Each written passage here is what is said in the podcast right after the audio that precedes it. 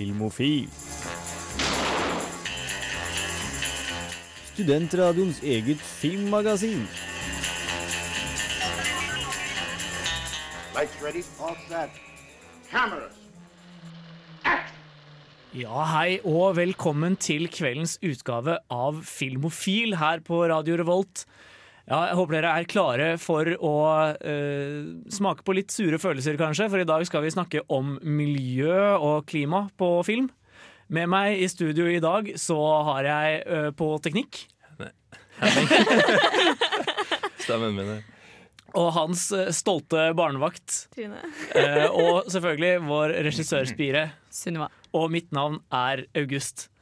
Har dere troa på sendinga i dag, eller? jo. Det blir god stemning? Ja. Eh, det tror jeg også. Og på den eh, On That Note så tror jeg vi skal høre en låt. La oss ta uh, Soropod med Never On Time.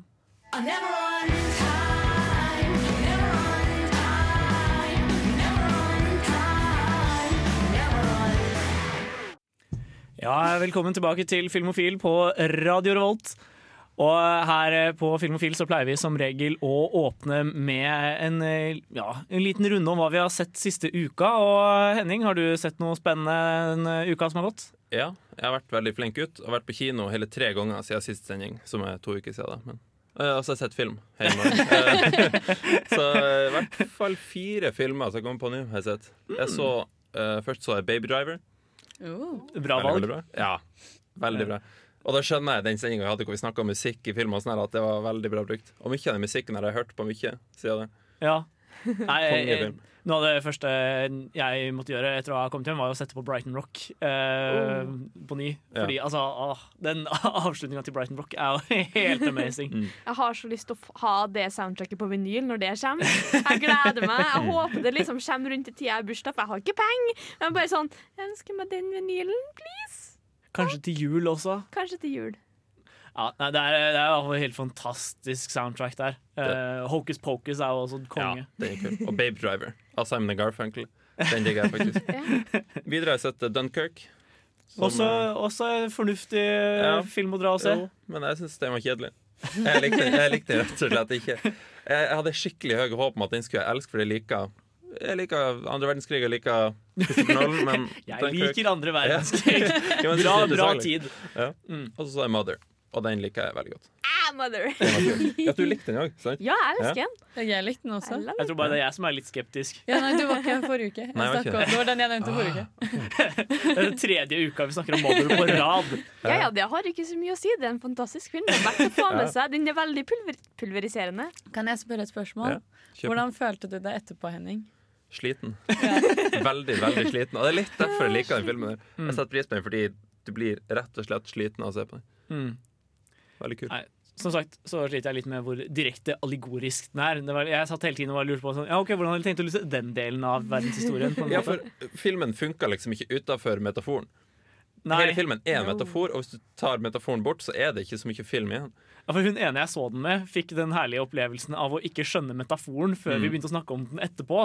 Og da, Hun har vært helt sånn Hva er det som Ja, jeg- skjer nå? Jeg skulle veldig gjerne Veldig veldig sent inn at jeg skjønte. Jeg skjønte Ja. først med Jesus. liksom Ja. Da sånn, Å ja, å ja, det er Jesus, ja. Å ja, du skjønte ikke mer liksom, de to brødrene Nei, der nei, han ene drepte den andre? Nei, for den delen av Bibelen er ikke jeg kjent med. Det gjorde ikke jeg heller. altså. Ass. Ikke før uh, samme sted som deg, cirka. Nei, Jeg har også sett et par greier uh, siste tida, da. Um, I. I, eh, i eh, forelesning i dag så så vi en uh, veldig fascinerende liten fransk film som heter La Jeté. Eh, folk har kanskje hørt om 12 Monkeys, den Bruce Willis sci-fi-filmen. Eller TV-serien. Dette er ja, Nei, nå er det snakk om filmen. Okay. Eh, for dette er faktisk eh, Eller Twelve 12 Monkeys er en adaptasjon av La Jeté.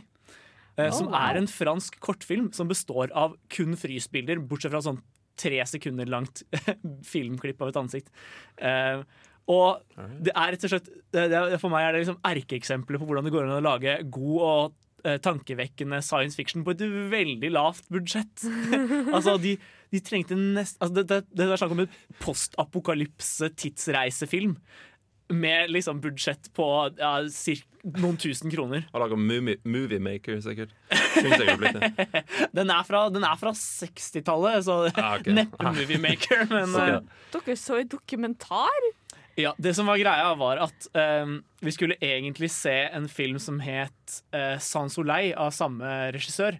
Men den uh, filmen var eh, eh, for langt Eller vi rakk ikke å se den, vi var et kvarter på etterskudd. Så eh, visste jeg at La Jeté lå i samme filmcover. Eh, så jeg sa ja, men vi kan jo se La Jetée istedenfor. Og så var det sånn Det var en sånn typisk forelesning hvor alle hadde gått innen vi kom til slutten. Så vi var sånn seks stykker igjen i auditoriet, og da, tenkte, da tenkte foreleseren vår at nei, jeg kan like gjerne bare se La Jeté hvis, hvis noen har lyst, liksom. Så hvorfor ikke? Jeg dro tidlig. Ja, men eh, det, var, eh, det er i hvert fall en veldig fascinerende liten film som jeg anbefaler alle å sjekke ut hvis de liker science fiction. Eh, men nå skal vi høre en låt. Vi skal høre Ellen Andrea Wang med 'A Change of Heart'.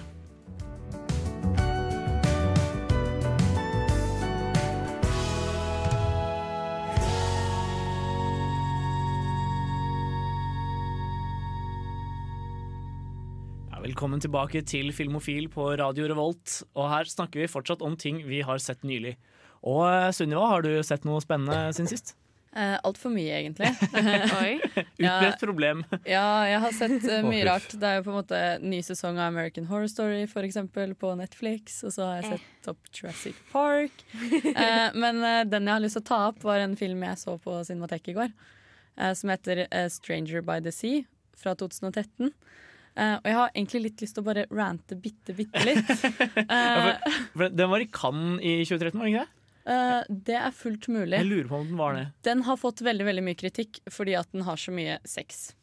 Og jeg er jo Jeg leste om det på forhånd, da, og så var jeg litt sånn derre Ja, men vet du hva, jeg bryr meg ikke egentlig om hvor mye sex det er. Jeg synes liksom sånn En film kan være god for det, og det er jo liksom sånn der, Ja, det er fint når filmer kan være litt sånn ærlige på det å ha med sex, da. At det ikke blir et tabu, på en måte. Men samtidig, når jeg sitter der, og så er det liksom bare sånn Ja, det, det var nesten ikke noe plott igjen. Det det For det var liksom Ja. Du kan ha mye sex, liksom, men du må ikke ofre historie. for da blir det jo dette er en veldig film som handler om på en måte eh, et homofilt miljø i Frankrike eh, på en tid hvor de på en måte ikke nødvendigvis hadde så mange steder å gå. da. Så de er eh, en eh, rekke homofile menn som pleier å dra til en innsjø og møtes der. Og det er sånn meetup place hvor du kan sjekke opp folk og sånn. Og så er det en sånn fin skog hvor eh, man kan være litt fri og gjøre hva man vil og sånn. Eh, og så og så er det liksom sånn Ja, eh, det tar jo helt sjukt lang tid før det blir en thriller, som filmen egentlig er. For det er bare sex på sex på sex på sex. Og så er det liksom et mord, og så er det bare sex på sex på sex på sex. Før sånn de siste ti minuttene, hvor det blir litt sånn Oi, shit, nå begynner ting å skje. Og så bare slutter filmen før det skjer noe mer.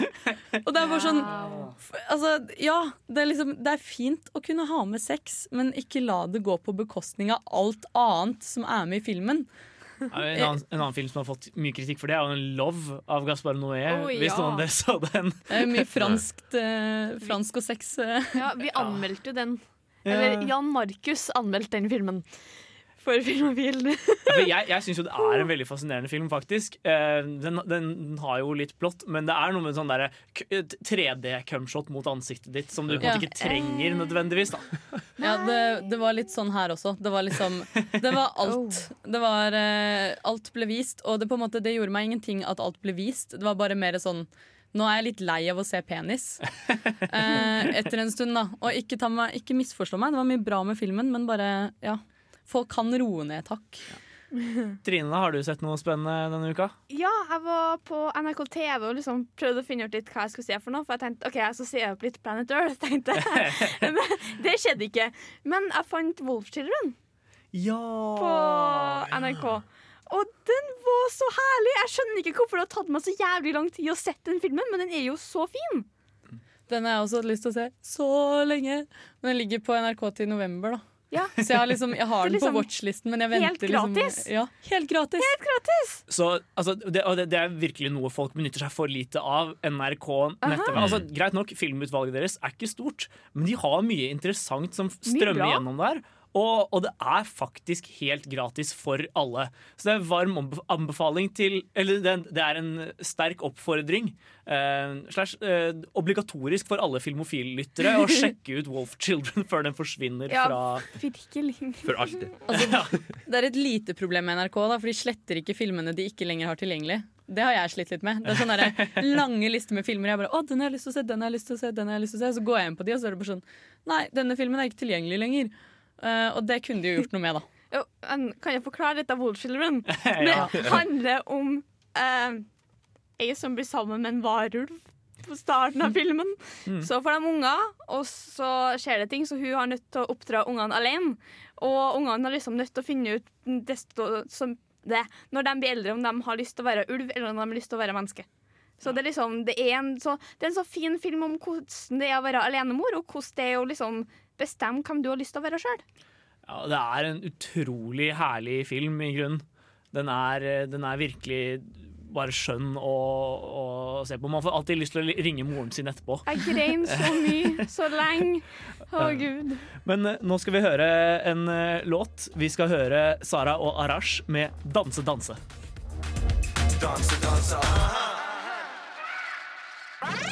Filmofil gir deg nyhender fra filmen og fjernsynets i spanende verden.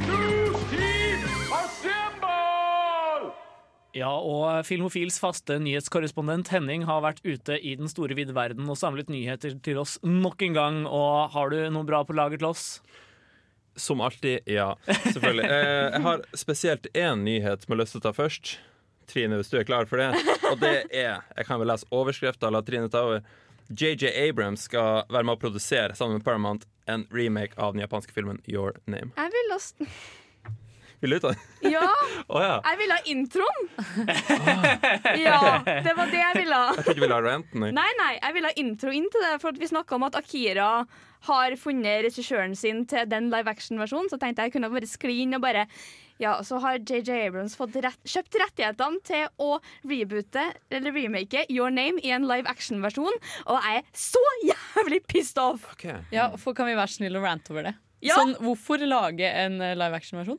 Det er liksom Your Name kom ut i år på norske kinoer. Den kom ut i fjor i Japan. Hvorfor i helvete skal du lage en remake av den så jævlig tidlig etter den kom ut? Den japanske versjonen er jo Den japanske filmen er jo fantastisk! Du trenger jo faen ikke Åh! Smi mens jernet er varmt. er det ikke det de sier? Skikkelig nydelig. Og det er faktisk eh, en film som har fått skikkelig skikkelig mye oppmerksomhet, føler jeg, Ja. til å være fra Japan. Eh, I forhold til sånn, hva som vanligvis skjer, da. Ja. Så hvorfor bare skal USA komme inn og gjøre greia si? De kommer til å whitewashe hele tingen. De kommer til å sette det i Amerika. They're, gonna, they're gonna ruin everything. Akkurat som Dragon Ball. Ødelagt. Nei. Men det er liksom sånn Jeg har skjønt det hvis den hadde vært fra sånn ti år tilbake eller noe sånt, og prøvd å gjort noe nytt med det, men når filmen er såpass fersk som den er, hvorfor i helvete skal du røre den?! Ja, og selv Wolf Children kunne gitt mening å lage en reboot av liksom Jo, ja. eh, nå, men, men akkurat gjør den ja. Og så er det noe med at du kommer ikke til å klare å, å gjenskape de vakre, vakre, No. vakre bildene Nope. som den filmen har. Yep. Uansett hvor hardt du prøver, så kommer du ikke til å klare det. Det kommer til å gå. Nei. Det, det som kanskje er vanskelig å se i den for et vestlig øye, da, er hvor utrolig tett den er knytta opp mot japansk kultur også. Ja. Det var skikkelig fascinerende for meg å se den rett etter at jeg hadde vært i Japan. For det er liksom sånn derre Ah. Oi, den bygningen var jeg i! det, Ja. er, det, det er virkelig sånn Det er et skikkelig uh, intimt kulturportrett også, da. Og, og ja, det, nei, det kommer jo ikke til å funke i det hele tatt. Skal vi ta neste nyhet? Jeg har mer å si, men ja, ja. Ah. Greit, det. En nyhet jeg syns er litt interessant, det er at Terminator 6, som når jeg først hørte om den, jeg, sukka eller rista på hodet, jeg husker ikke, men jeg var skuffa i hvert fall. Det blir en oppfølger til Terminator 2. Og, Og Terminator 3 til 6 er eh, 3 til 5, unnskyld, er eh, en alternativ eh, tidslinje. da OK, så de Ja. bare hopper eh, de, de, begynner å kødde med canon, rett og slett. Ja, de fraskriver egentlig alt det vi tar det på skrøt tilbake. Jeg syns jo det er en veldig ærlig måte å gjøre det på. Ja. Heller enn å ta en sånn Days of Future Past hvor man skal sånn derre Nei, vi skal prøve å få sletta den ene filmen uten å miste det andre med liksom tidsreising og eh, eh, mm, Vi trenger noen flere møter for å finne ut hvordan vi skal gjøre dette. Sant? Og T2 var den beste filmen. Uten tvil. Og jeg håper at de klarer å beholde det. da For de, de, klarte, de hadde ikke klart å gjenskape den samme magien ved å gå videre fra T5. Det tror jeg ikke. Linda Hamilton er jo med Ja, hvem vet? i T6. Arnold Vi er med. Kan bli bra. Kan funke. Avatar har eh, begynt produksjon. Det, det, det er noe jeg hører Som hver vi uke, tok tror jeg. opp forrige uke. Ja, det er det som er hver nye hver, Du må høre på hva jeg sa forrige uke, vet du, når du ikke nei, nei, nei, nei, nei, nei, men det jeg har lyst til å si er at Avatar sier hver uke at de begynner produksjon. Men neste uke så blir vi høre samme greia. Det står i overskrift at nå har de faktisk begynt produksjon. Det var, jo tull forrige gang. De Det har jo vært sånn i sånn tre år. men de Ja, sa ja. forrige uke at de kom til å starte produksjonen uka her. Ah, de gjorde det? Ja. Ok. Ja. Sa du de. noe om budsjettet? Nei. Fordi da blir sluppet nå. Oh. Vet du hvor mange filmer som kommer? Fire. Og vet du hvor mye budsjett på de fire filmene? Altfor mye. Én milliard dollar. Og det er litt av en satsing. Ja, ja men fire, altså, de lagde jo den forrige filmen for ca. 250 millioner. jo, jo men Ja. eh, det er fire filmer de satser på. De betaler ut uh, hele den summen der med en gang, uten å vite noe om hvordan filmen blir. Så det er ganske Ja, stort. Ja, okay. Ja, det er samla produksjon. Ja. Da er det, da er det ambisiøst. Ja, veldig. Så når den fjerde går i dass, så har det egentlig tapt alt. Uh... Ja, det, da, da sliter de nok, ja. Uh, Avatar, ass. Vi kommer nok eh, potensielt tilbake til Avatar og James Cameron senere, senere i sendinga. Oh, Men før den tid skal vi høre eh, Drøm med 'Drømmen begraves', etterfulgt av en liten pause her på Radio Revolt.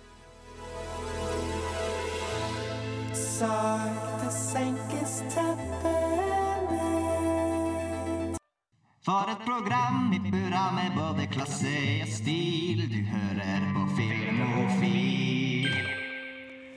Ja, og eh, nå er det på tide å ta en liten anmeldelse slash bevege seg over i temadelen av sendinga. For grunnen til at vi har, hadde lyst til å snakke om eh, miljø og klima akkurat denne uka, er at det har kommet en litt spesiell film på kino.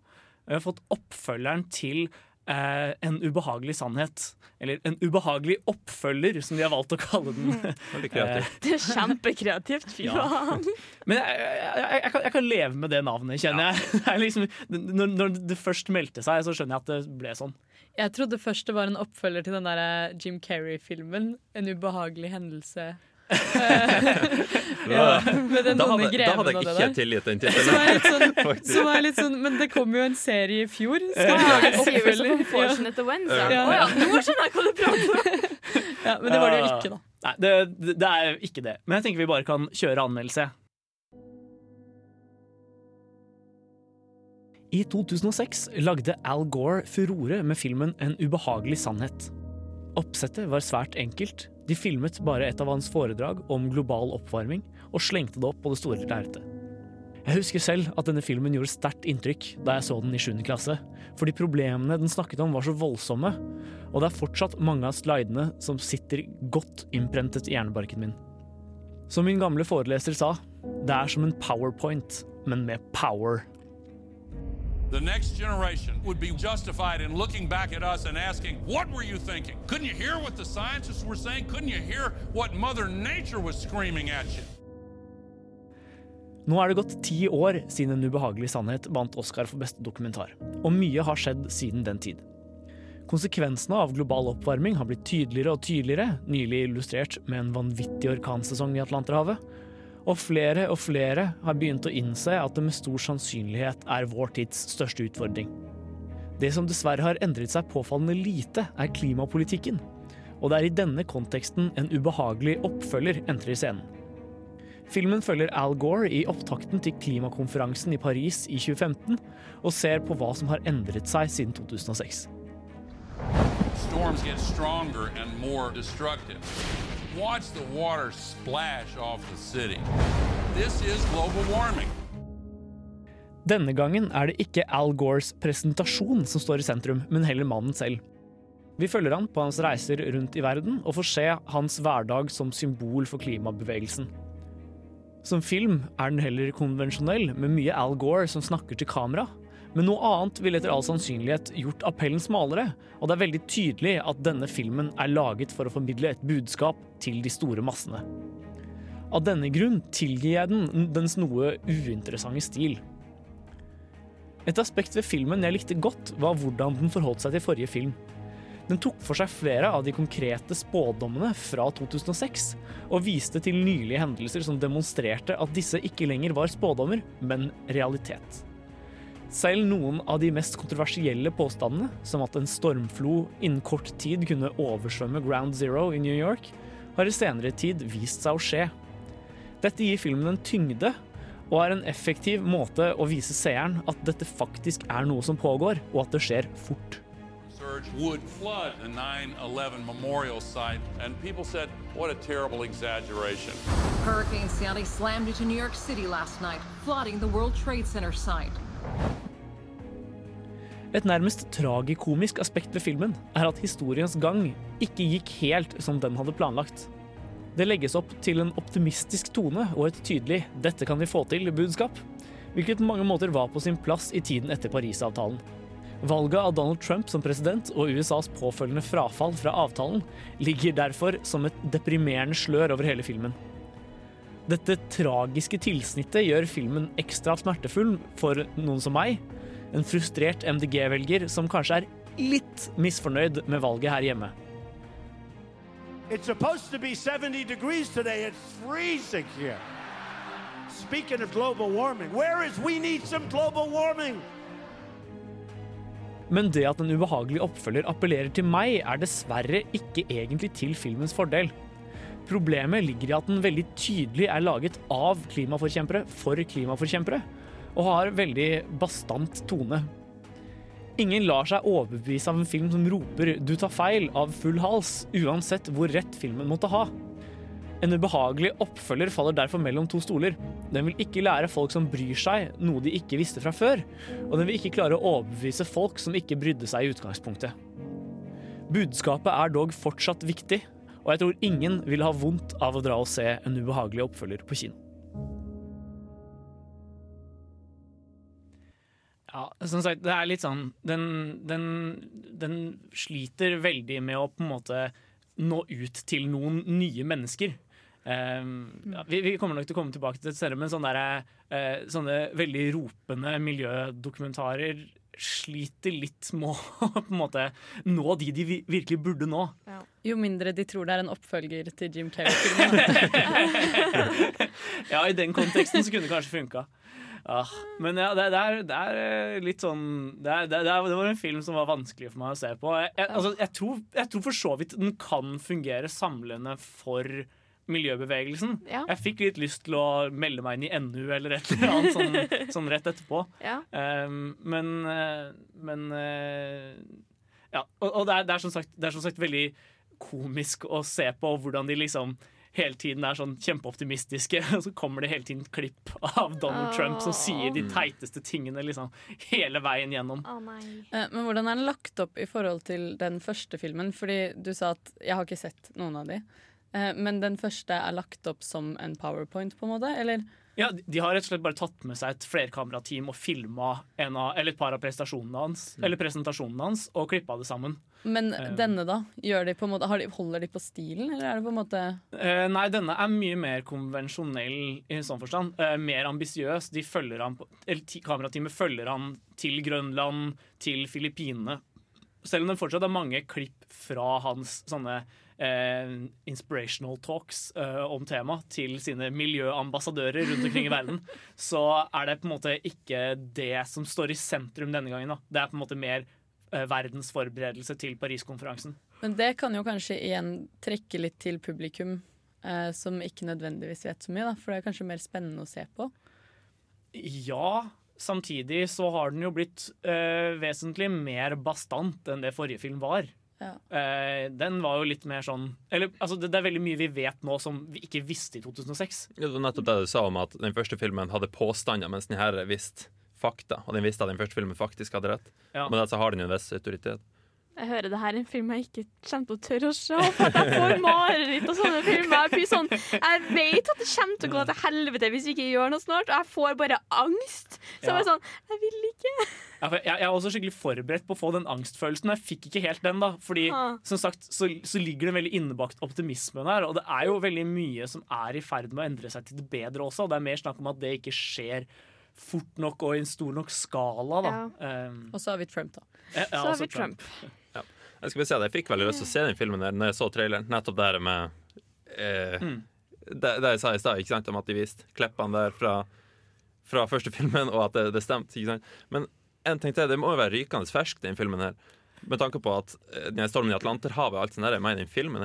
Nei, det, det er ikke med i filmen. Uh, det var Nei. noe jeg slengte med fordi, Ah, for å prøve å Ah, gjøre anmeldelsen mer relevant. Ah, ja, Eh, forstår men men, men den, den har nok altså Den hadde jo opprinnelig premiere på Sundance i vår. Ah. Men det er tydelig at de har lagt inn ting i løpet av sommeren også, fordi at Trump dro ut av klima Eller av Paris-avtalen. Avtalen. det skjedde Ja, vel først i sommer, gjorde ikke det? Eller- Tidlig sommer. Tidlig på sommeren, ja. sånn overgang vår sommer. Så, eh, og han har liksom intervju med Al Gore på, Al Gore på slutten, hvor han ser, ser at han er skikkelig deppa. men Ja. men eh, han, han er veldig sånn altså, eh, Han siterer eh, Martin Luther King, da. Og det i en sånn hvis, hvis man har rett, så kommer man til å nå igjennom til slutt. Um, At liksom det, det, det kommer til å skje, men det, av og til tar ting lengre tid enn man skulle ønske. Ja. Um, så det um, Vi har noen spennende år foran oss, tror jeg rett og slett vi kan si. Men, um, men ja. Det er, det er nok ikke en film som egentlig er vits å se på kino. da Man kan nok heller vente til den kommer på, på eh, Netflix. Men eh, la oss ta Eller en NRK låt. Ja. Vi skal høre 'Aiming for Enrique' med Marion Jones.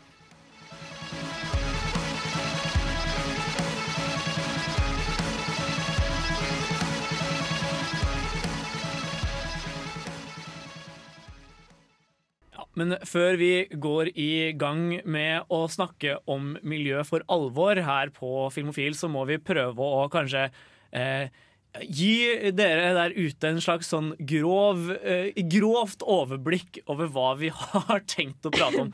For miljøfilm kan jo være så mangt.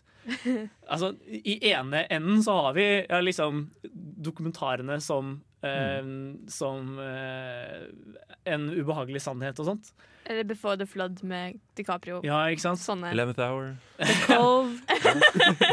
Mens på andre sida så har vi liksom Postapokalypsefilmen er Mad, 2012. Mad Max kan jo på mange måter sies å ha, ha, ha eh, klimaendringer som et sentralt motiv gjennom filmene. Til og med Jurassic Park kan jo ha det. Ja. Men ja, det, vi kommer til å snakke om, er vel eh, på en måte primært det som handler om eh, ja, klima i litt, litt større skala. Eh, det blir ikke så mye sånn, sånn The Cove, som handler om delfiner i en bukt i Japan. Men kanskje litt, litt, litt mer mot en ubehagelig sannhet. Når det kommer til scope, i hvert fall. Ja. Men altså Film og TV med miljøbudskap er jo noe vi alle har vokst opp med også. Ja. Jeg husker jo Da jeg var liten, så var jo jakt, Flukten fra dyreskogen Ja. og et av favorittprogrammene Ja. mine. Det var det og Noahs øy. Jeg likte snakkende dyr. Ja, jeg hadde liksom uh, Hva var den forbanna blekkspruten het? Blekkulf. Der har du i alle fall noe som er veldig retta mot Eh, mot, mot den yngre garde. Ja, den, så det på barnehagen. Barnehagen. Det Barnehagen. ja, jeg husker det var skikkelig kult de gangene det kom. Blekkulf kom som sånn for, forgreie til barne-TV og sånn. Jeg var med i Blekkulf-klubben. uh, vi, dro ut i sånn, vi dro ut i sånn båt og engasjerte barn til å redde jorda og sånn. Sånn Søppelsortering og sånne små ting vi barn kunne gjøre for å redde verden. Ja, for jeg husker jo, altså, det, det, På den tida så var det på en måte søppel som var det, var det hotte temaet innenfor eh, miljøbevegelsen. Mm. Jeg husker jo Kykeli Kokos hadde jo egen sånn der kildesorteringsspill. Ja. Hvor man skulle ringe inn, og så skulle man liksom eh, altså, skulle, man, skulle man fortelle Kom det søppel på sånn bånd, så skulle man fortelle hvilken dunk den skulle i. Og så hadde de sånn miljø det var, De hadde sånne derre Sånn der reality for barn, basically. Sånn Energikampen. Energikampen var det. Ja, ja for det er, jo, det er jo litt mer over på dagens problemstillinger, Ja. som er mer sånn eh, ja, energi og fornybare ressurser og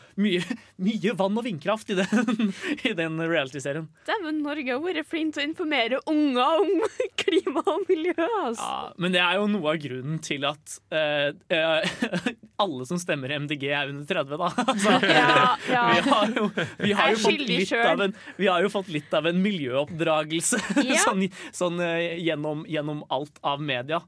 Og liksom, når største blockbusteren i vår, eh, i vår liv har vært uh, Avatar, som også er veldig tydelig sånn environmentalist, så ja. Men jeg tror Norge er bedre enn veldig mange andre land der også.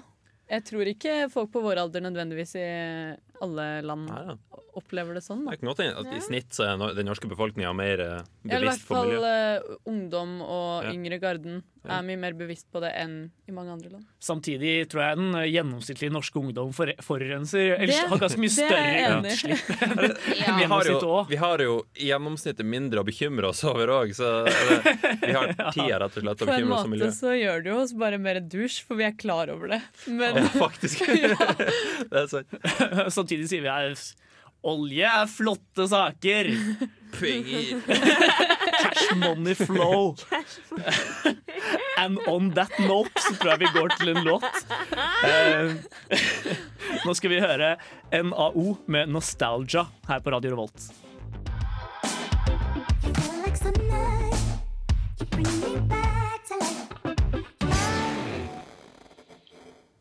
Ja, og på slutten her fikk dere hjelp med Svakegutten. Og ja, nå skal vi gå litt mer inn på den historiske konteksten for miljø og Eller naturvern på film, kan vi vel kalle det. Um, for den går ganske langt tilbake. Gjør den det?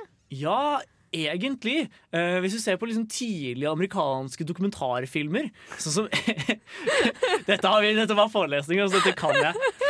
For eksempel, I dag så har vi klipp fra en film som het uh, The River.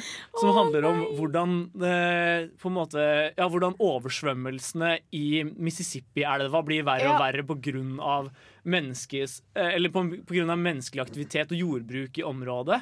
Og, og også The Plow That Broke The Plains er en av de gode, gamle amerikanske dokumentarfilmene. eh, Som handler om eh, at man brukte for grov eh, plog og ødela, ødela jordgrunnen. The, the plow that broke the The Plains. Plains, ah, ok, yeah. Ja. Eller eh, plogen som Ja, ja, ødela ja, ja, slettene. Men hvor gamle er disse filmene? Disse er fra 30-tallet.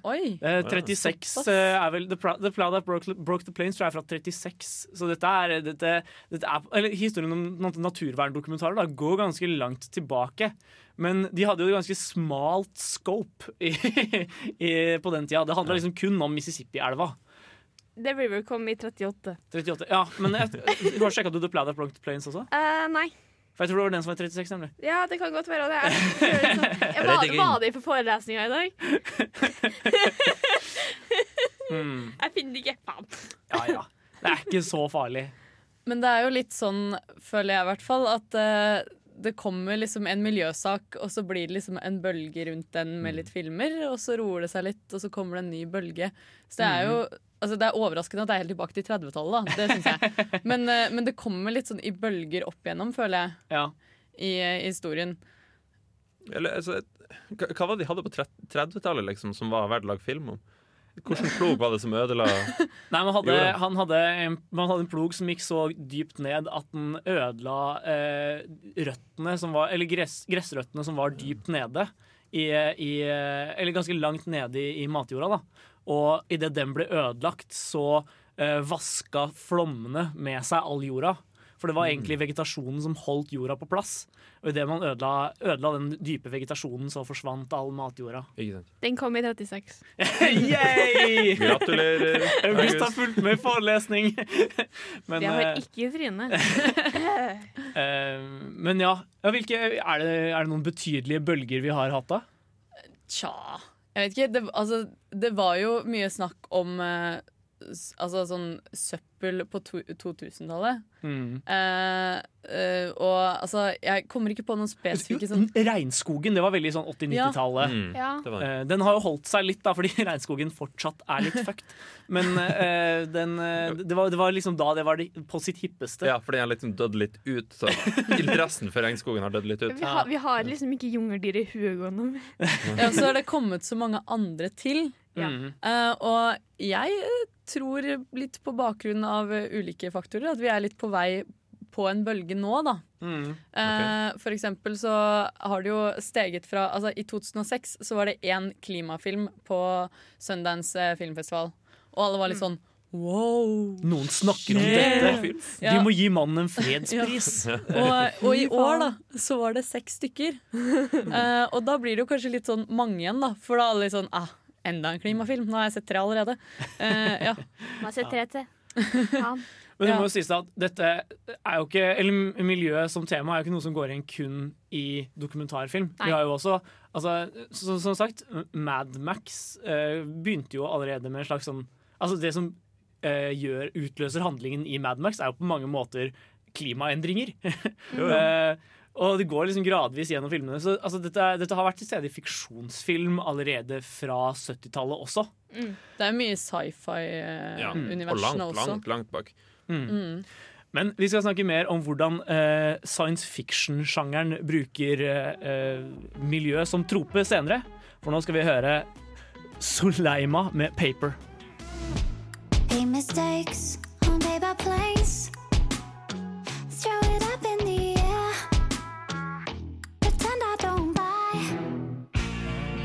Hei! Hei! Det er ikke en 90s sitcom-flashback. Ta og Skru på noe annet. Ja, bedre, men prøv igjen. Der, ja! Ahem. Filmofil presenterer ukas serie.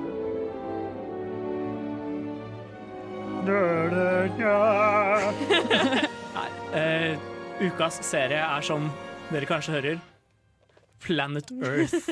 Uh, for jeg- da, da vi skulle finne en TV-serie som passet med miljøbudskapet, så måtte jeg bare gå tilbake Eller gå litt i meg selv og tenke på hvilke hvilke serier er det som har påvirket meg eh, til, å, til å bry meg om miljøet? da? Ja. Eh, så var liksom konklusjonen nei, britiske, eller BBC sine naturdokumentarer de har vært veldig, veldig viktige for meg opp igjennom. Oi, de fikk meg til å sovne i naturfagstimene i 9. klasse. Åh, nei, eh, jeg syns disse, disse dokumentarene om alle dyrene ute i villmarken Ja. var så utrolig fascinerende. Ja. Det er jo noe om hvordan de filmer dyrene. Fordi Ja. at du, får så, du blir så knytta til dem. Ja, det, den det, søte pingvinen der, liksom. Mm. jeg, synes, jeg har sett uh, en av de nyere For det, det er to sesonger, sånn som jeg skjønte. Ja. Er ikke det? Den nyere sesongen nå. Uh, og det er ett klipp fra den som er de her Hva er det for noe firfisle eller noe sånt her som blir født på ei strand. Og så må de sprenge opp på haugen. En iguana eller noe kanskje. Så må de sprenger gjennom sanda og opp på en sånn steinhaug. Ja. Og i den sanda, på nedsida av den steinhaugen, så er det masse, masse, masse slanger. Og det er noe av det mest spennende som har sett på TV på lenge. Altså. Og, og det er bare dyr i naturen. Liksom. Det er. Bruken av musikk og måten de filmer det på, det er veldig spennende. Og alle havskilpaddene som skal ut til mammaen sin. Ja. Eh, ja, altså, som sagt, jeg har vært veldig svak for ant antropomorfisering av dyr. Altså det å gi dyr menneskelige egenskaper, eh, helt fra jeg var veldig liten.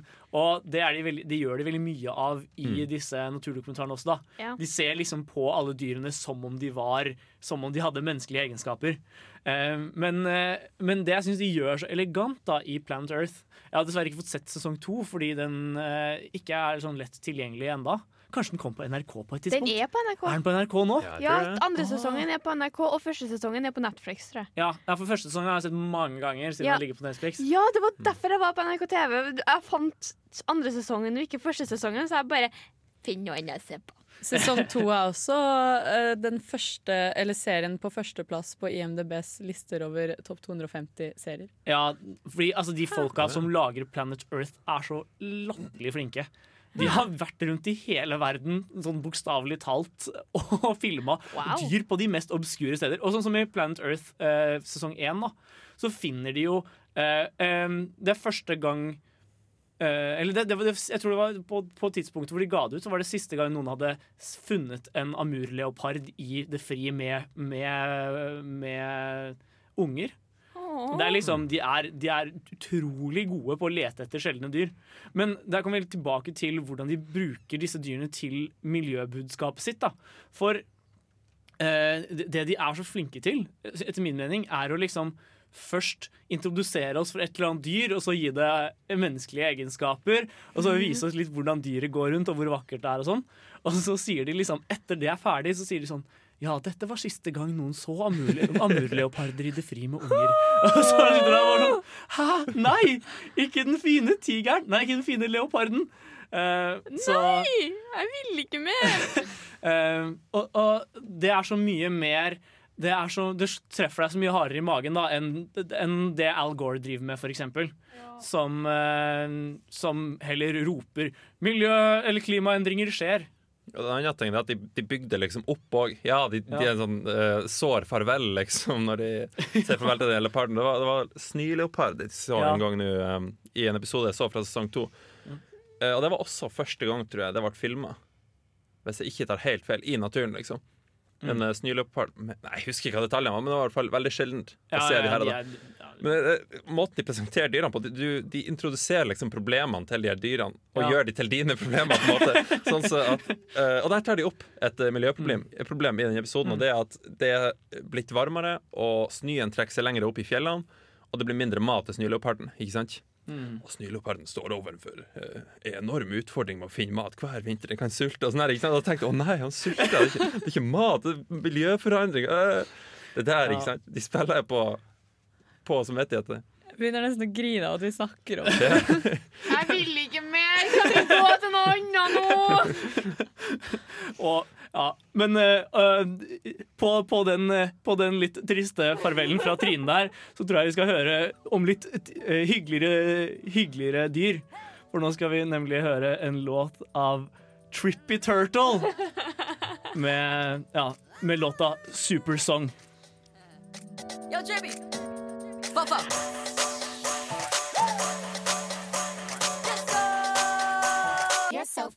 make me slip. Ja, den den skilpadda, var skikkelig trippy, for å si det sånn. Ja, det Og den Anna var skikkelig disko. ja, Det er featuring Disko Duck, også, ja, featuring Disco Duck. Men uh, her på Filmofil så snakker vi om uh, klima- og miljøforandringer på film. Og eh, dette gjøres jo på ganske forskjellig måte innenfor forskjellige filmsjangre. For altså, Hvilke filmsjangre er det vi har hvor dette er Eller hvor miljøet er mest utbredt som tematikk? Det er jo eh, dokumentar, først og fremst. Eh, Mm. Der er det jo en stor eh, Der har de mye muligheter, da. Det er mye å ta. De, de, er, de er veldig sånn up in your face. Ja. Men, eh, men I trynet på deg. Inni fjeset. Mm. Ei, norsk! Men en annen som også har en veldig overflod av eh, miljøtematikk, er jo katastrofefilmer. Ja. Ja, jeg kom bort fra det. Jeg husker jo uh, uh, eh, The Day After Tomorrow var en av de aller kuleste filmene jeg visste om uh, da den kom. Og Eh, 2012. ja, den var også ah, veldig populær. Jeg husker en av de kuleste filmene jeg så når den kom. Bølgen. Ironi. ja, men den er jo for så vidt det, da. ikke, ah, den er ikke dårlig, men eh, Nei, den, jeg, jeg syns den er kjempebra. gjør det. Ja, jeg digger Bølgen. Det er en god ok. norsk film, for faen! Ja, ja. Jeg synes, men jeg syns det er litt trist at liksom At det misbrukes litt også, da. Mm. I katastrofefilm. Det er litt Ja. sånn derre Altså, å, nå lager vi en ny katastrofefilm for at alle digger katastrofefilm. Og så er liksom klimaendringene er ikke nødvendigvis en viktig del av filmen. Det er liksom bare Nei. det det forårsaker, som gjør noe. Ja. Og så skal det være sånne der, hylende mennesker og karakterer du har fått skikkelig knyttet til som eh, nesten dør pga. en flodbølge eller noe. Men det er, ikke, det er ikke snakk om på en måte Her må vi gjøre noe med saken. Nei. Altså Day After Tomorrow. ikke sant? Det er sånn, og Jeg håper Jake Gyllenhaal blir enig med dama si. Eller hva enn som skjer i filmen etter at du ser en bølge slå gjennom New York og drepe sikkert en million mennesker. liksom Ja, jeg synes det er skikkelig komisk. I, dårlige katastrofefilmer også. For det er jo altså, nå, nå snakker vi om 2012? Nå, nei, nei, nå, nei, det er også en høybudsjetts... Ah, okay. eh, eh, nå, Jeg snakker jeg likte mer om, nå snakker jeg mer om eh, Henning var så Sharknado. Sharknado og Birdemic og den sjangeren. Tenk, tenk på miljøbudskapet til Sharknado, på en måte. Altså, det er jo klimaendringer som har forårsaket disse haitornadoene. Men Ja. hvordan løser vi det? Nei, det er ikke ved å redusere klimagassutslipp. Det er ved å slenge bomber i Det var granater, eller hva det var for noe. Nei, det, det, det, det jeg tror det er dynamitt, rett og slett. Jo. Men eh, til gjengjeld når jeg frustrerer meg så mye over sånne filmer som eh, Sharknado, da, eller eh, sånne. Eh, så setter jeg enda mer pris på de katastrofefilmene som ikke har med noe klimabudskap, da. Ja. Som ja, den derre om um, Haiti. Eh, nei, jeg mener altså, den- Haiti, mener jeg. Nei, ikke Haiti. Eh, den, jeg mener Thailand. Når det er flodbølgen og alt det Sri der. Lanka, tenkte jeg på. Å, um, er det den Faen, det med The Impossible. Watts, er The? Impossible, ja. The Impossible. Altså, det er på en måte altså, Det var jo et jordskjelv og bla, bla, bla. Men det har jo på en måte faktisk skjedd, da. Ja. Mm. Og da blir det liksom litt mer sånn rørende når det kommer en sånn en. Jo, sant det. Ja, og så er, altså, er det noe med at eh, For eksempel The Day After Tomorrow da, er det mest relevante eksempelet å snakke om her av alle katastrofefilmene. i hvert fall, Det er jo uh, at den på en måte den, har, den er veldig tydelig på miljøforkjempernes side, men den på en måte Ja. overdriver det så mye og gjør det så teit. eh, at liksom Den gjør at man ikke får noe mer respekt for saken, men heller mindre, da. Ja. Jeg husker at helikopter fryste is i lufta. Det er litt sånn Nei. It's negative a million degrees. Så, Nei. Og så er det jo mange av de også som har utrolig sånn kule skudd, da. Sånn 2012 for eksempel, når de står oppå den der åsen, og så kommer alle disse meteorene og sånn. Da blir jeg litt sånn. Å, så vakkert. Med gærne altså Woody Harroldson i bakgrunnen. Woody Harroldson, altså, ok. beste rollen hans. Jorda går under, dere kommer alle til å dø. Men så er det liksom den feelingen jeg sitter med her. Åh. Men vi skal snakke om hvordan eh, dette brukes i flere sjangre etter hvert. Eh, blant annet eh, barnefilmer. Men først skal vi høre Georgia Smith og uh, Predita med On My Mind. Don't want to feel you, don't want you on my mind. Don't want to feel you, don't want you on my mind. Ingenting. Det er jo alltid å ha musikk når den er påtent. Helst noe indisk eller pakistansk. Ukas filmlåt. Ukas filmlåt i dag, den er fra en eh, film med et veldig tydelig miljøbudskap. Og dansende pingviner. Kan det bli bedre? Kan det bli bedre. Eh, og den er regissert av George Miller. Vi har snakka mye om Mad Max i dag. George Miller er tydeligvis veldig opptatt av miljø. Um, men i hvert fall um, uh, Ukas filmlåt er fra Happy Feet. Og i den anledning tenkte vi vi skulle prate litt generelt om hvordan barnefilmer tar opp Uh, miljøsaken. Vi var jo så vidt inne på det i starten av sendinga, for uh, vi snakka om alt vi hadde sett som barn. Men Ja. det er jo mange profilerte studier som har gitt ut store filmer med tydelig miljøbudskap. Jeg, jeg tenker jo først og fremst på Pixar og Wall-E. Ja Men liksom ja. alt det som Det viser liksom Det, det, er sånn, det her kan skje. Mm. Folkens, vi har nødt til å begynne å skjerpe oss som faen. Ja, men jeg er litt sånn enig i at det kan skje. Eller Jeg husker når jeg så den første gang, og de satt i de der stolene Ja. og bare kjørte rundt og var sånn tykke, så var jeg sånn Oi, jeg må begynne å gå mer tur. sånn, seriously. Var det Wally? Ja. de har sånn, Alle menneskene sitter i sånne stoler fordi at de har ikke muskler igjen i beina, for de spiser så mye fett. og sånn, Så de bare ja, sitter i de stolene og kjører rundt. Ja, det er så lenge siden jeg har sett Wally. Jeg husker bare selve Wally liksom, på planeten og den hvite dama. Og så, fin, og så finner de den der skoene med plantene i, og bare sånn Det er håp. Ja. It's a hope. Kan kan jeg spørre et kjapt spørsmål om plottet? Er det på månen eller er det på jorda? For det, det er en av Det er på, det er på jorda. Det er på jorda. På jorda og på en båt. En båt in space der resten av menneskeheten Sånn- sånn det, lever. Men, eh, men ja, for min del så er liksom Wall-E en av mine klare En av mine topp 50 filmer sånn ever. Eh, Ja. En av mine favorittanimasjonsfilmer. Eh, utrolig glad i den filmen, og miljøbudskapet er jo helt klart en del av den pakka. Ja. Altså, den, den tar det opp på en veldig elegant måte ved å bare liksom eh, Den bare setter oss i en postapokalyptisk verden med en liten robot og musikk. Og så, altså, det, det, er, det er effektiv historiefortelling, det. Ja. Skjønner du liksom hva som har skjedd ut fra det? Det er kjempepent. Men det er jo en del andre filmer også. Vi burde kanskje snakke litt om Happy Feet. Ja, kanskje. Muligens. Jeg, jeg tror ikke jeg egentlig har sett den siden den gikk på kino. Jeg tror ikke jeg har sett den. Nei. Har du ikke sett den? Jeg, jeg vet ikke, jeg kan ikke huske å ha sett den, så hei, kan dere være så snill å forklare meg plottet? Ja, Konseptet er jo at alle Eller i, i- premisset for denne filmen er at alle pingvinene har på en måte hver sin sånn derre sjelesang. Som de bruker til å få seg kjæreste. Og det, de benytter jo anledningen til å spille mye popmusikk. Eh, poenget er i hvert fall at eh, denne Hva er det han heter?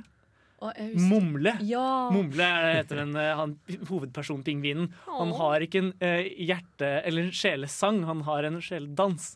Han stepper. Så derfor Happy Feet. Derav Happy Feet. Ja, for at jeg så Serves Up i stedet for å se Happy Feet.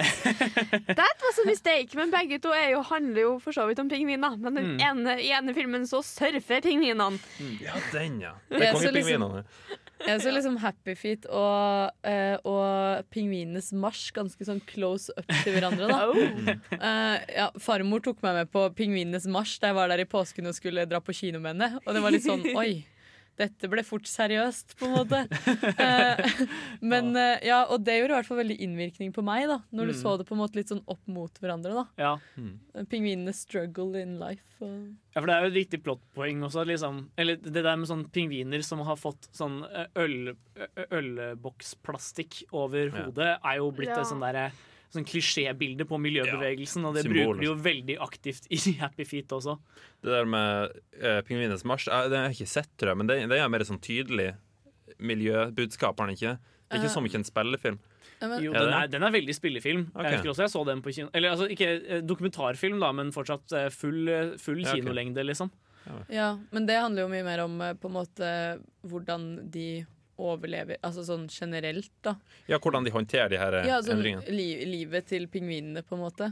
Mens Happy Feet er mye mer eh, på miljøet, føler jeg. Det er jo den derre oljebåten som driver og slipper ut eh, noe miljøfarlige greier og Ja, det er mye dritt i Happy Feet. Jeg husker jeg ble liksom deprimert som barn da jeg så den selv, fordi jeg ikke var liksom jeg, jeg, jeg, jeg var ikke helt klar for det. Men la oss høre det vi har valgt som uh, ukas filmlåt.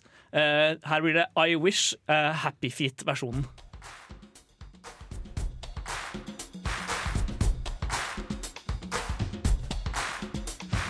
Looking back on when I was a little nappy-headed boy.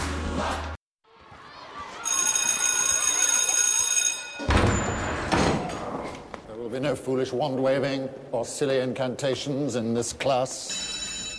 No, okay, that's it for the day then. Today, we have a similar debate over this. Anyone know what this is, class? Anyone? Anyone? Anyone seen this before? Ukens hjemmelekse. Ja, og ukens hjemmelekse denne uka var en eh, film med, fra en særs miljøbevisst filmskaper, men på helt andre siden av kloden. Vi skal nemlig eh, Eller ukas hjemmelekse var nemlig 'Prinsesse Mononoke'. Yay! Vår alles uh, favoritt. Henning! Ja, F1! F1, F1. Ah, ah, ah. Filmofil seal of approval. Ja, for er det, én en film det har vært tydelig denne høsten at fortjener Filmofils seal of approval, så er det eh, 'Prinsesse Mononoke'. Ja. Den eh, handler om Ashitaka, en eh, gutt som blir forbannet av en dyregud. Dette er sånn Det var vel en hevndemon? ja, For så vidt. En, en, gud, en dyregud som hadde blitt til en hevndemon. Ja. Um, men uh, dette er satt til på en måte japansk middelalder, da. Og uh, den Ashitaka må da prøve å finne skogen hvor denne hevnguden kom fra, eller hevndemonen kom fra, uh, og se med eh, utilslørte øyne. Uh, eller noe i den duren. Ja. Um, og på veien så Eller ja, når han kommer fram til dette området hvor dyreguden var fra, så viser det seg at um, en dame ved navn Lady Eboshi har etablert et, uh, et metallverk. Mm. Jernverk, var det. Jernverk. Jernverk jeg Mm.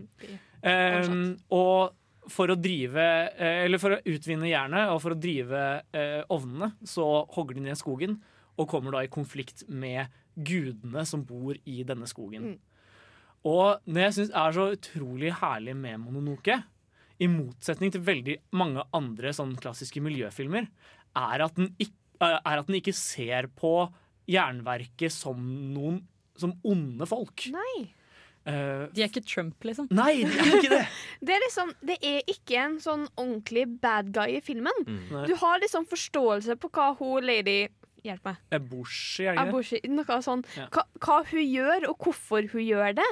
Fordi det liksom, du har Hun tar jo inn jenter som har jobba som horer eller noe sånt til å få jobb og få noe sikkert og klare å beskytte seg sjøl fra andre. Så du skjønner liksom hvorfor hun fortsetter med jernverket, og så skjønner du hvorfor han derre lille jævelen skal ha tak i dere hodet til forbanna gud. Ja, for hun blir liksom litt mer sånn derre ja, feministforkjemper, nesten. Eller sånn Ja. derre kvinneforkjemper. Mot liksom gudene, da. Og miljøet. Ja, og det som er veldig lett å glemme i eh, på en måte miljøsaken, særlig for oss her i Norge, er jo at um, det er for, eller for utviklingsland, da. Eh, man kan argumentere for at utviklingsland er en utdatert, eh, er utdatert terminologi og alt mulig sånt. Men i hvert fall poenget er at eh, for, for eh, fattige land så er det veldig vanskelig å skulle, eller det, det er veldig vanskelig å argumentere for at de ikke skal få lov til å benytte seg av fossilt brensel for å booste økonomien og ja, industrialiseres. da. Um, og det er på en måte den diskusjonen som foregår i Mononoke, bare på en måte i den, i den mer sånn opprinnelige settingen. da. Ja, det er lett å, altså I, i den virkelige verden å stå på utsida og si nei, huff og huff, se så mange kollverk de bygger. ikke sant? Se Ja. så masse CO2 de spyr ut. Men du, du må se det fra deres perspektiv òg, liksom. Ja, det er jo utrolig mange aspekter ved det Ja. som er veldig lett å glemme, da. Eh, og det er også veldig fint i Mononoke at det er mer sånn ta vare på miljøet. Det er ikke Mm. sånn derre Se så mye dritt du gjør. Det, er- ja, Ja. De, det er bare sånn Ja, det er ikke bare kjeft, liksom. Ja, nei. Ja, den er ikke like preachy. Nei. Nei. Den, den er litt sånn den er litt sånn Ja, her er budskapet. Vi vet at dere forstår det her. Vi trenger ikke å hamre dere over hodet med hva vi skal fram til. Den er mer på sånn alle er nødt til å leve i harmoni, for ingen Ja. av oss klarer seg på en måte uten den andre. da. Mm. Uh, vi, vi kan ikke ødelegge naturen, for da kommer vi til å ødelegge for oss selv òg. Det er litt ironisk at den ikke er preachy når den handler om guder og sånn. ja, sånn det, er, det er så Ja, men det er enda en Ja, positiv ting. sånn Det, det er japanske guder igjen, da. Ja, ja, Så det, men de klarer å liksom holde seg unna det preachy både på miljøet og Ja. gudene. for det er liksom, du, Imponerende. du forstår jo hva de skal fram til uansett. Og det, Ja, ja. det er sånn god storytelling er. Det er liksom å forklare Bare forklare, fortelle en god historie uten at du liksom trenger å bli slått over hodet med hva de vil fram til. Og er det ikke litt trist at vi står her og sier at det er en bra film som klarer å gjøre noe så enkelt som å ikke slå deg over hodet med budskapet? Og så gjør vi det om igjen og om igjen og om Ja. igjen. Men Mononoke er i hvert fall en film alle burde sjekke ut. Og Ja. det, særlig siden det var ukens hjemmelekse på Filmofil. Ja. Hallo. Men eh, nå skal vi høre en låt. Vi skal høre Depresno med Mr. Big. They call me Mr. Big, but it's not like that. Ja. Oi. Um, uh, Mr. Big der, altså. Ja. Men uh, nå tenkte vi vi skulle bevege oss litt ut fra på en måte filmenes egne univers, og heller snakke litt om den virkelige verden. For det er jo en god del filmskapere og filmer som har vært nokså engasjert på ekte også. Ja. Ja, altså, Vi har jo alle hørt eh, Oscar-talen til Leonardo DiCaprio. eller? Ja, ja. Og herlighet, og han har jo Before the Flood som kom ut tidligere i år, tror jeg. Som Ja. er veldig sånn Hei, la oss banke det her over hodet. Og de som følger ham på Instagram også, er litt sånn Altså, Når skal det komme et bilde av Leonardo DiCaprio, og ikke om alle miljøproblemene? altså, ikke, Det er veldig positivt, da, for all del. Men Mm. uh, jeg har aldri sett i løpet av det halvannet året jeg har fulgt han, sett et bilde av Leonardo DiCaprio. For det er veldig fint at han er engasjert i problemet, men han må ikke glemme at, at han er Leonardo DiCaprio. At han må, han må vise verden litt av seg sjøl òg, liksom. Jeg, jeg, jeg føler Noe av problemet med Leonardo DiCaprios miljøengasjement er at han, han klarer å være miljøforkjemper på en litt sånn douchebag-måte. Føler jeg, i hvert fall jeg da Jeg føler meg alltid sånn personlig angrepet av han Som om han er så mye bedre enn meg. Hver gang han snakker om det, så blir jeg litt sånn Men, men det er veldig flott, da, fordi det er så mange sånn kjendiser som er sånn Å ja, jeg er opptatt av miljøet. Yeah. Og så blir jeg sånn Du er så fake. Fordi du sier bare det der for å liksom få oppmerksomhet. Det er sånn- Det er bare for å gagne deg selv og ditt rykte, liksom. Det er sånn Miss Universe eller noe sånt. Er Ja, ja. Sånne taler, liksom. Ja, det er I helt care sånn. about the environment and Ja. Environment og sånn. Environment. Det er også veldig gøy å se på uh, Top Gear. Hvis dere ser litt eldre episoder, så ser dere alle kjendisene har kjøpt seg hybridbiler. Ja. Men eh, du det har jo også andre eksempler. Jeg syns for eksempel eh, det uh, James Cameron generelt er en fascinerende karakter. Eh, dette er da mannen som regisserte Avatar og Titanic, men også The Abyss og et par andre. Og han er eh, han er utrolig fascinert i, i miljøproblematikk. Mye fordi etter, etter at de drev og lagde The Abyss, som foregår på en undervanns sånn, eh, forskningsstasjon, så ble han så sykt into dykking. Så mellom, mellom altså, altså Etter Diabys så begynte de å lete Eller så begynte de å se på Titanic-vraket og alle de greiene, og så lagde han Titanic. Eh, og etter det så lagde han bare sånne der, eh, dokumentarer om fisk og korallrev helt fram til Avatar. Mm. Um, men i hvert fall, eh, det har jo gjort at forbindelse med en del av filmprosjektene sine så har han gjort, lag, eller satt i gang veldig storstilte prosjekter. da. For eksempel eh, i forbindelse med Avatar så hadde de eh, et prosjekt sammen med eh, et eh, sånn stort internasjonalt eh, nettverk for planting av trær. Oh. Og eh, de planta over en million trær eh, Oh, wow. i forbindelse med den kampanjen. Så det er, det er ikke liksom et, et tulleprosjekt. Nei, Det var for å gjøre opp for seg, på en måte. Ja. Det er litt fint. De høgg ned to millioner når de filma Avatar. Så det, Nei, ja, ikke. Men uh, ja. Du har også Rick O'Barry, uh, som uh, har- Hvem er det igjen? Han var på 60- og 70-tallet filmverdenens største sånn delfintrener for film, da. Eh, og var med på Flipper-serien, da, som var en stor hit på TV den gangen.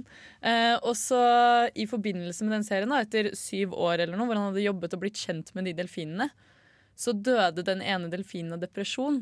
Og det gjorde liksom at han gikk ut og ble skikkelig, skikkelig, skikkelig eh, eh, eh, dyrevern, spesielt for havet, da. Forkjemper. Og, og det, er jo han, det handler om i The Cove, for eksempel.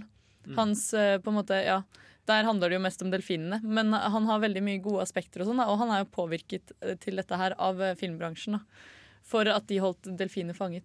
Ja, for der var det vel mer sånn en, eh, For å gjøre opp for seg, siden, han, eller siden Flipper-showet førte, at- førte til at veldig mange delfiner ble fanget. Og, Bare tre. Nei, nei men, men sånn eh, Det Ja. populariserte å se delfiner på akvarium og sånn. Ja, fordi det syns jeg er et litt problem, da. Mm. Eh, fordi det er jo veldig ofte hvis du ser ting på film og folk digger det, så blir det til at de lager store parker og sånn, så når de har sånn søte delfiner på film, så blir SeaWorld liksom plutselig skikkelig populært og sånn. Ja. Så folk kan jo tenke litt mer hva de putter i filmene sine òg, da. Syns jeg. For det påvirker verden. Ja, men det, det kan du si om Oppdrag Nemo òg. Barn tok jo veldig feil budskap fra den. Å, ja. Alle Ja. prøvde å skylle ned fiskene sine i do. Og, Ja, Det er bra de ikke begynte å shake dem i posen. da. og sånn fisk som, som Dory har jo blitt utrydningstrua på Ja. grunn Ja, av ja. at det er Alle skulle jo ha Dory, Oh, sant? Ja, det, ja, jeg så et helt forferdelig eksempel på det på et akvarium i Japan. Hvor de hadde en egen sånn Oppdrag Nemo-seksjon. Det var helt fryktelig. nei! Ja, men eh, nå skal vi i hvert fall høre en låt. Vi skal høre Lance Ferguson med 2 pluss 1.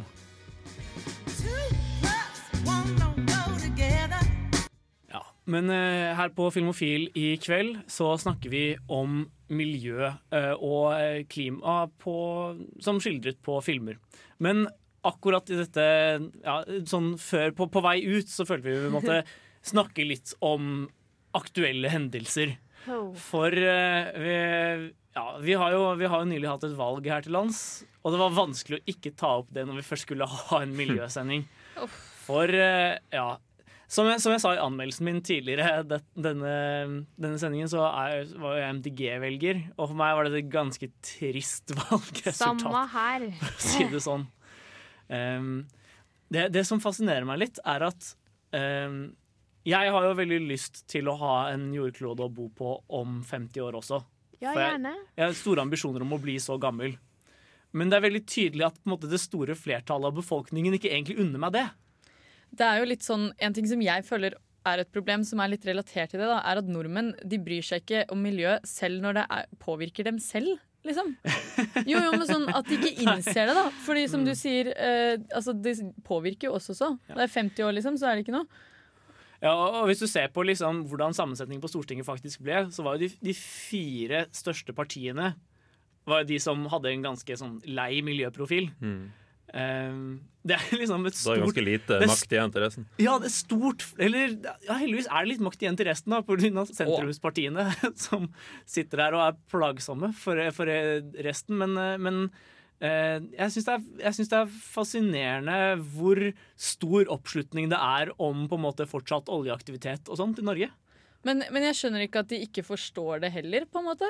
At de ikke Altså, som vi har snakket om, vi har blitt fora med dette siden vi var barn. Liksom. Skjønner, skjønner de ikke at det er et problem Nei. i det hele tatt? Og jeg bare tenker på sånn som lokalnyhetene hjemme, da. Sånn, jeg føler Hvert eneste år for tida så kommer de og sier ja, i år er det ny femårsflom. Og så er det sånn, ja, Hvor mange femårsflommer må vi ha på rad før folk skal skjønne at et eller annet har, har skjedd? da? Jeg tenker spesifikt Hvis dere lurer på hva den lyden var, så er det ja. Hørtes ut som Hufsa. det. det skal jeg si spesifikt om valget. Jeg satt på valgvake på dagen, ikke sant? og jeg husker, det, var, det, var, det var vel én gang at de rød-grønne tippa over at Ei, de vant, Ja. og, så, ei, og så hadde de under igjen. Det var, Og Det var, det var 20 et sekunder. par ganger, det var ikke bare én. Men det, ja. var- det var så kort hver gang. Og det var sånn, jeg også satt på valgvake, og, Og bare, alle begynte uh, Alle bare «Åh!» Og så bare stopper det. Fordi at sånn som du sier, etter 20 sekunder så var det Ja, ja. ned igjen. Og det var så frustrerende. Vi, vi ble, eh, tenkte ja, faen, vi, vi kan klare det. vi kan klare det Og det er hvis Frp og Venstre nekter å gå inn. Men da har jo Mm. rød-grønn en mindretallsregjering. Og tenk så lite tillit den regjeringa har fått. De har ikke fått igjen en dritt. Ikke sant? Så Mm. ikke ta så tungt at blått vann i gangen her, Fordi de kommer ikke til å stå så sterkt neste gang. Det er jeg Ja. faktisk ganske sikker på. Og rød-grønt har i hvert fall ikke stått sterkt til valget neste gang hvis de har vunnet nå. Og Venstre er jo der og motarbeider, altså i hvert fall i forhold til miljø. Ja da, de er det. Ja, i hvert fall, i hvert fall i forhold til Lofoten og Vesterålen. Ja da.